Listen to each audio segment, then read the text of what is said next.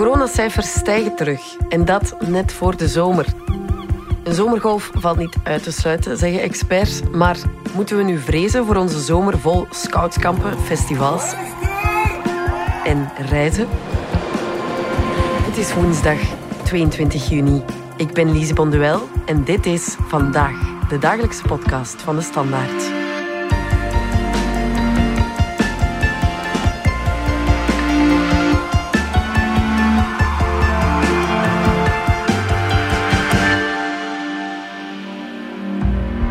De Smets, onze chef COVID-19.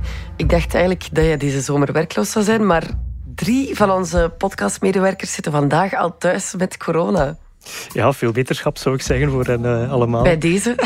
maar ik denk dat ze niet de laatste zullen zijn. Ik denk dat het een voorwacht zal zijn van toch nog uh, ja, een grote groep die zal volgen, helaas. Ja, er zitten heel veel vrienden van mij zelfs ook thuis met corona. Um, experts sluiten ook niet uit dat er een nieuwe coronagolf deze zomer kan vergallen. Kan jij dat misschien ontkrachten? ja, ik denk dat vergallen een, een groot woord is. Uh, dat er een golf zal komen, dat lijkt nu wel vast te staan. De vraag zal zijn hoe groot de impact zal zijn.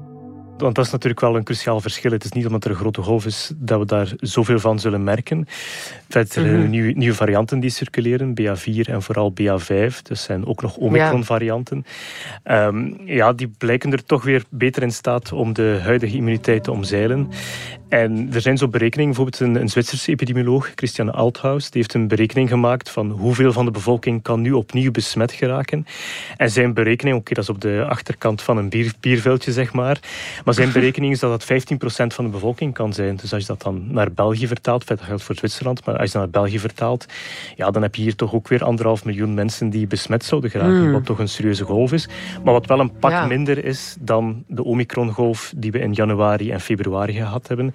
Toen okay. hadden we ook anderhalf miljoen besmettingen officieel, dus degenen die bevestigd werden via test. Maar we weten dat veel mensen zich niet laten testen. Dus je kan ervan uitgaan dat dat zeker drie, misschien tot vijf keer meer is. Dus dan zit je ook aan de helft van de Belgische bevolking die toen Omicron had. Dus het was toen een veel grotere golf. Ja. Maar ook toen was die impact relatief beperkt, zou ik zeggen. Ja, en welke van die cijfers zijn nu echt van belang om in het oog te houden? Denk in de eerste plaats de ziekenhuisopnames en dan vooral intensieve zorgen, omdat we weten dat daar het schoentje knelt. We hebben maar een beperkt aantal intensieve bedden. dat zijn er 2000, waarvan altijd 10% niet operationeel is, dus laten we zeggen 1800. Ja, als die zich vullen met coronapatiënten, ja, dan weet je dat je in de problemen komt, want dan moet je andere zorg beginnen uitstellen. En hoe meer andere zorg je moet uitstellen, ja, hoe gevaarlijker het wordt. En hoe Ja. meer men zal ingrijpen met maatregelen. Ja, en history repeats itself. Er zijn ook op dit moment, je zegt het al, BA4 en BA5 zijn actief. Hoe besmettelijk zijn die? Ja, wat, blijkt is dat ehm, ja, die toch weer in staat zijn om zich nog sneller te verspreiden dan Omicron. En Omicron was al een kampioen, zeg maar. Is dan opgevolgd door BA2, dat was een andere Omicron-variant. Dus je hebt eerst een BA1-golf gehad in januari, februari, gevolgd door een BA2-golf, ook in heel veel landen. En nu krijgen we opnieuw subvarianten, dus BA4 en BA5 bij ons in de Verenigde Staten is dan nog weer een andere variant. En dan blijkt dat die toch weer, dat toch weer sneller kunnen ehm, zich verspreiden, waardoor die het overnemen. Maar het ziet er naar uit dat het vooral komt doordat die opnieuw weer de bestaande immuniteit makkelijker omzeilt. Als je bij die gelukkigen was of bij de ongelukkigen, zeg maar, om in januari en februari, al- februari al besmet te zijn met Omicron, had je, en dat blijkt dan uit Cienzano-cijfers, een relatief kleine kans om opnieuw besmet te geraken Ja. eh, met nu opnieuw een Omicron-variant. Blijkt nu, als je kijkt, ze, ze hebben dat in labo-onderzoek onderzocht, dat ja, die BA4 en BA5 toch ook nieuw, op, opnieuw weer de recente bescherming kunnen omzeilen. En dat zie je bijvoorbeeld in Portugal. In Portugal houden ze zeer nauwkeurig bij ja, wie ehm, doet nu een herinfectie. En hoe lang is dat geleden dat hij al besmet is geraakt? En dat zag je bij de vorige variant, het was bij Omicron zo, maar ook bijvoorbeeld bij de Delta-variant, waren het vooral mensen die, waar het toch al even geleden was dat die besmet geraakt waren. En je ziet nu bij de BA5 dat het een grote groep is die heel snel opnieuw besmet geraakt, die bijvoorbeeld dit voorjaar nog maar eh, de besmetting heeft opgelopen en nu toch opnieuw weer besmet geraakt. En stel nu dat je in het begin van de maand corona krijgt, betekent dat dan dat je op het einde van de maand opnieuw corona kan krijgen? Het hangt van de variant af waarmee dat je het krijgt. Dus je moet het zo zien, als je besmet geraakt bent, ja, dan pieken je antistoffen. Dus je lichaam maakt heel veel antistoffen aan. En dat zorgt ervoor dat je veel beter beschermd bent. Stel dat je toch nog besmet zou geraken, dan zou het veel sneller opgeruimd raken. Ja. Maar die antistoffen dalen ehm, en die zijn ook variantspecifiek. Dus als je nu besmet bent met een BA5-variant, is de kans zeer klein dat je in de komende maanden nog opnieuw met BA5 zal, zal besmet geraken. Maar ben je daarvoor al besmet geraakt en was dat nog een BA1-variant bijvoorbeeld, ja, dan is die bescherming alweer minder tegen die nieuwe variant die nu opkomt. Ja, en hoe ziek kan je ervan worden? Ja, dat, dat zoeken ze nog wat uit. Um, in die zin dat labo-onderzoek toont dat BA4 en BA5 toch iets ziekmakender zijn dan de oorspronkelijke Omicron-varianten. Mm. Men test dat onder andere bij knaagdieren, bij muizen en bij hamsters. En dan blijkt dat die zieker worden als ze die besmetten. Nu, die hamsters zijn natuurlijk niet gevaccineerd, dus dat, dat scheelt. Uh, maar wat ook interessant onderzoek was, onderzoek waarbij we zagen dat Omicron op zich minder ziekmakend was, um, was bijvoorbeeld bij menselijke longcellen. Ja, als men daar virus injecteert, uh, hoe snel maken die, die cellen opnieuw zelf uh, virus aan, dus hoe snel vermenigvuldigt dat virus zich. En dan zien we dat die nieuwe varianten toch opnieuw erin slagen om zich sneller in de longen te verspreiden. Wat potentieel gevaarlijk is, want het zijn natuurlijk die longontstekingen die ervoor zorgen dat je toch zware bijwerkingen Ja. hebt en dat mensen daar eventueel ook aan sterven. Ja. En werken onze vaccins nog tegen die nieuwe varianten? Eh, ja, eh, als je kijkt naar ehm, Portugal bijvoorbeeld. Dus in Portugal heeft men ook gekeken naar wie raakt nu in het ziekenhuis en wie raakt eventueel op intensieve zorgen. Ehm, ja, en dan zie je dat mensen die gevaccineerd zijn, dat die een minder groot risico lopen. Mensen die geboosterd zijn, nog een kleiner risico. En mensen die al vier prikken gehad hebben, nog een veel kleiner risico. Dus je ziet wel dat die vaccins blijven werken. Ook al kunnen we vanuit uitgaan dat opnieuw bij deze variant dat die toch ook opnieuw een beetje aan die bescherming zal gaan knagen die die vaccins bieden. Mhm. En hoor je bij experten en overheid iets over mondmaskers, afstand houden, alle mogelijke andere scenario's die we tot nu toe hebben gekend? Ik denk dat dat op dit moment nog niet op tafel ligt. Uh, je moet ook weten, die experten ja, die hadden zich verenigd in de GEMS. Officieel komen die niet meer samen, dus daar heb je voorlopig ook geen officieel expertenorgaan die het, die het zou kunnen voorstellen. Um, natuurlijk, ja, als het nodig zou zijn, zal men wel opnieuw een overlegcomité samenroepen en kijken wat er eventueel mogelijk is. Maar ik denk dat dat toch nog van een andere orde is. Als je ook kijkt naar Portugal bijvoorbeeld. Portugal is een mooi voorbeeld. We zijn een land van gelijkaardige omvang, dus ongeveer evenveel inwoners. Um, en onze golven liepen ook redelijk gelijk. Dus je zag in het voorjaar hebben ze ook een Omicron-golf gehad. Daarna is het wat rustiger en daarna weer een opstoot. De BA5-golf die loopt nu in Portugal en die lijkt nu al wat over de piek heen.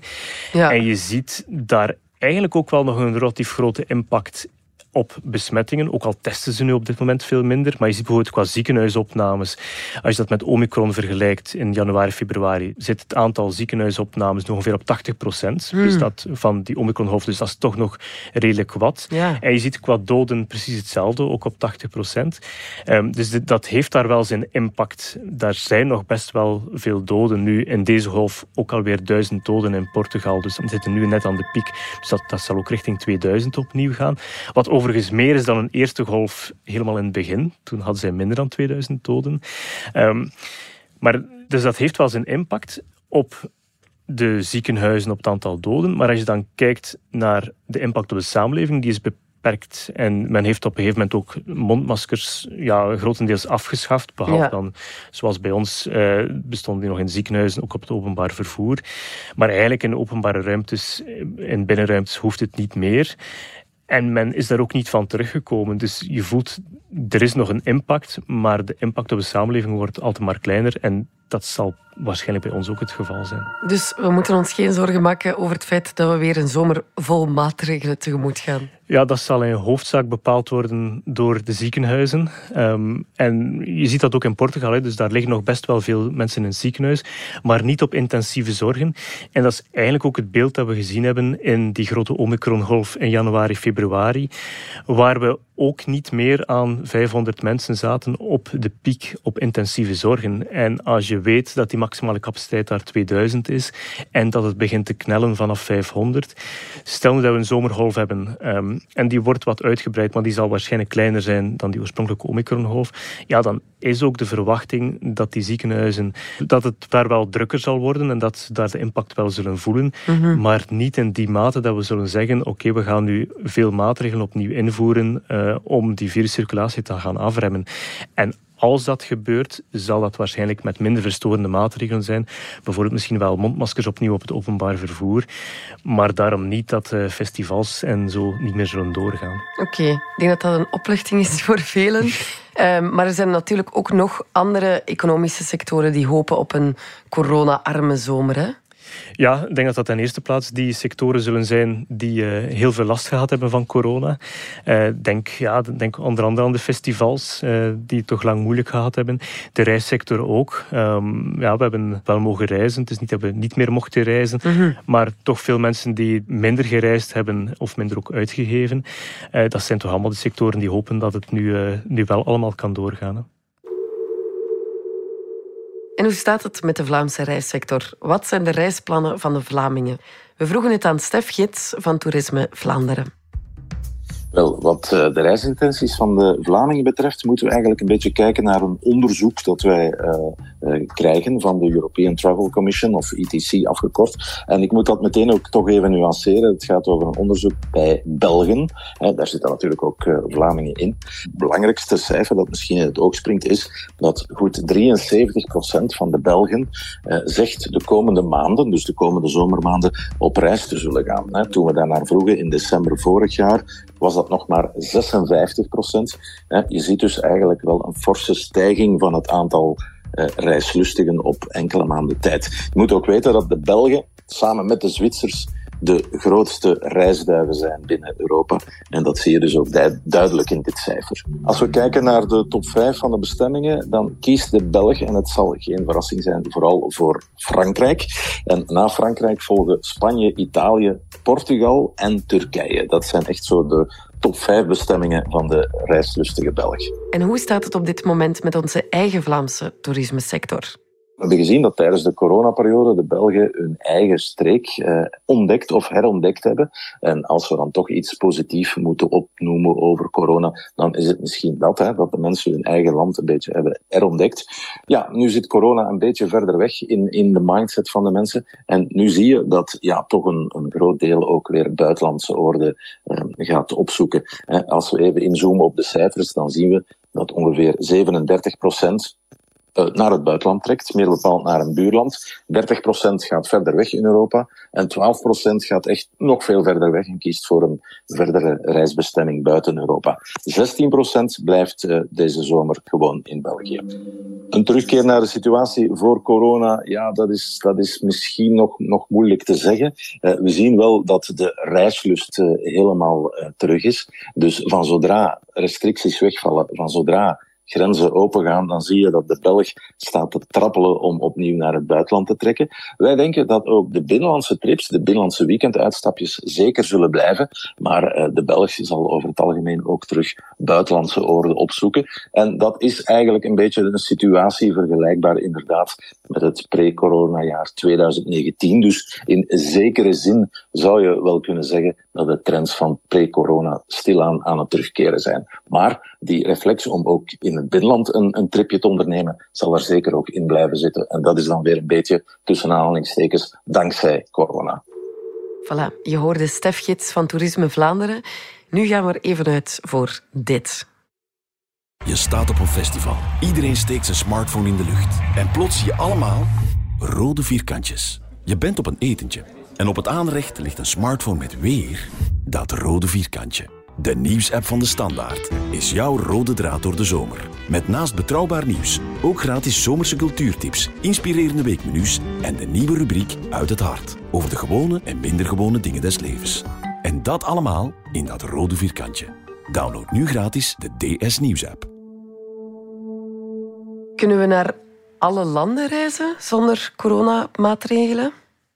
Ja, je ziet dat er eigenlijk nu nog heel weinig beperkingen zijn. Dus uh, voor ons is het zo dat iedereen van gelijk welk land bij ons mag binnenkomen. Wat lang niet het geval was. Er waren heel veel restricties, die zijn er op dit moment niet. Dat kan opnieuw wel veranderen.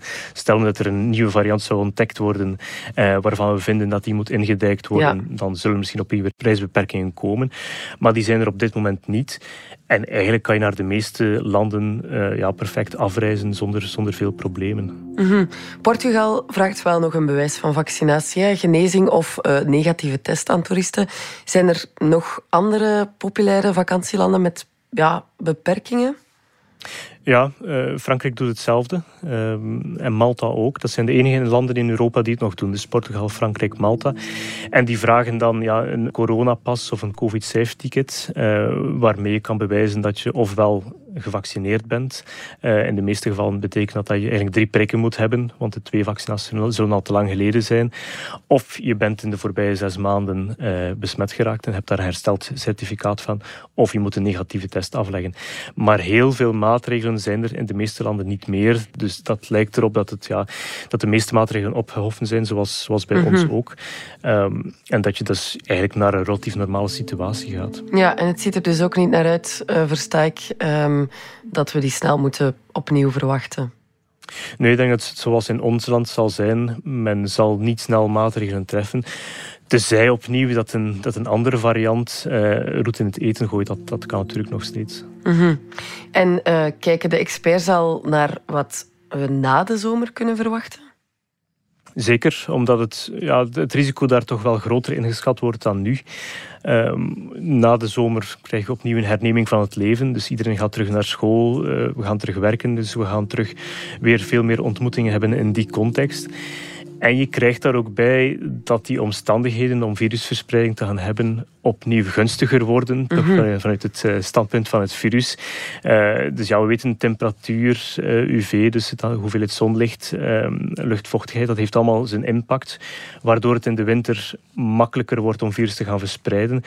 Wat daar ook bij komt, is dat we vaker gaan binnenzitten, minder gaan ventileren. En je krijgt dus die ideale omstandigheden om meer virusverspreiding te hebben. Zoals we eigenlijk ook elk jaar zien met griep. We blijven vatbaar voor griep. En we gaan ook vatbaar blijven voor corona. En dus het idee van, ja, we hebben een slotgolf en het is de laatste golf voor we uit de pandemie zijn. Ja, dat, dat gaan we achteraf kunnen vaststellen. Maar we weten ook wel dat, uh, ja, dat die, dat risico er nog steeds is. En het is aannemelijk dat we ook in het najaar opnieuw een golf gaan krijgen. En dan zal een beetje de vraag zijn, ja, komt daar een nieuwe variant die opnieuw makkelijker immuniteit omzeilt? Of hebben we die niet? Zou ook kunnen.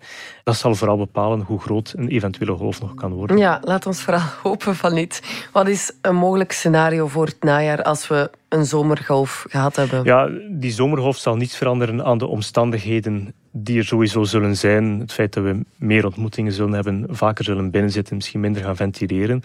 Um, maar wat wel helpt, is een zomergolf die helpt om immuniteit op te bouwen. Dus hoe meer mensen een recente besmetting gehad hebben, ja, hoe moeilijker het is voor het virus om door te breken. Um, want ja, wat, wat je eigenlijk krijgt, we bouwen immuniteit op, maar we weten dat die niet blijft. Dus er is waning, dus die, die immuniteit neemt af na verloop van tijd.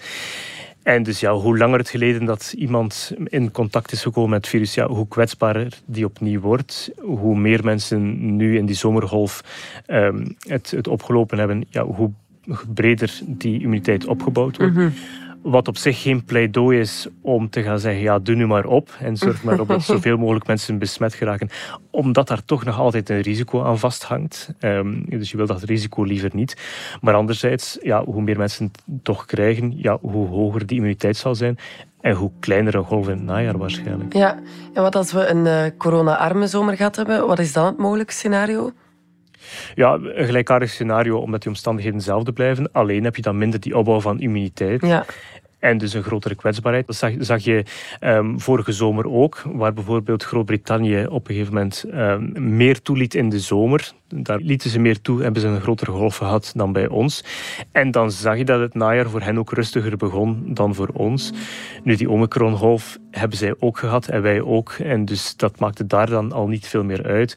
Dus, dus ja, je, je wint een beetje als je een coronarijkere zomer hebt. niet op dat moment, maar voor het najaar dan. Ja. Uh, maar dat wil niet zeggen dat je een golf in het najaar kan uitsluiten daardoor. Nee, we krijgen er sowieso één. Um, en wat denk je, gaan we dan opnieuw naar een massale vaccinatiecampagne?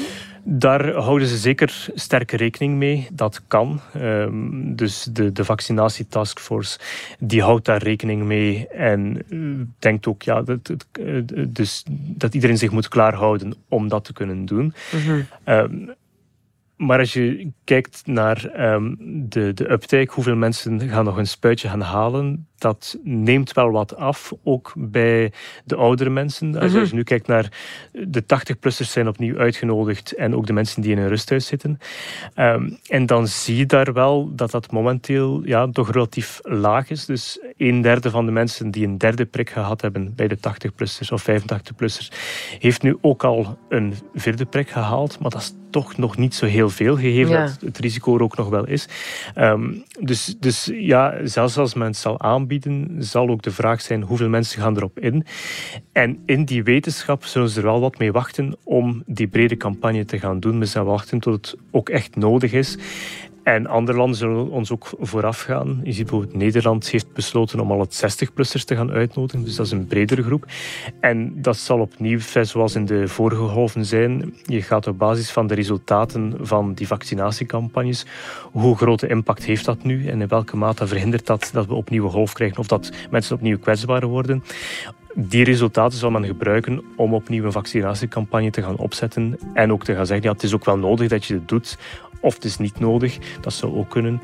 Um, maar het is, het is, zeker niet ondenkbaar dat we toch opnieuw naar een grotere vaccinatiecampagne zullen gaan. Dus momenteel proberen om niet al te ziek te worden en hopen dat de coronaschade beperkt blijft. Dries Smet, dankjewel. Met heel veel plezier. Dit was Vandaag, de dagelijkse podcast van de Standaard. Bedankt voor het luisteren. Alle credits van de podcast die je net hoorde vind je op standaard.be-podcast. Reageren kan via podcast.standaard.be. Morgen zijn we er opnieuw.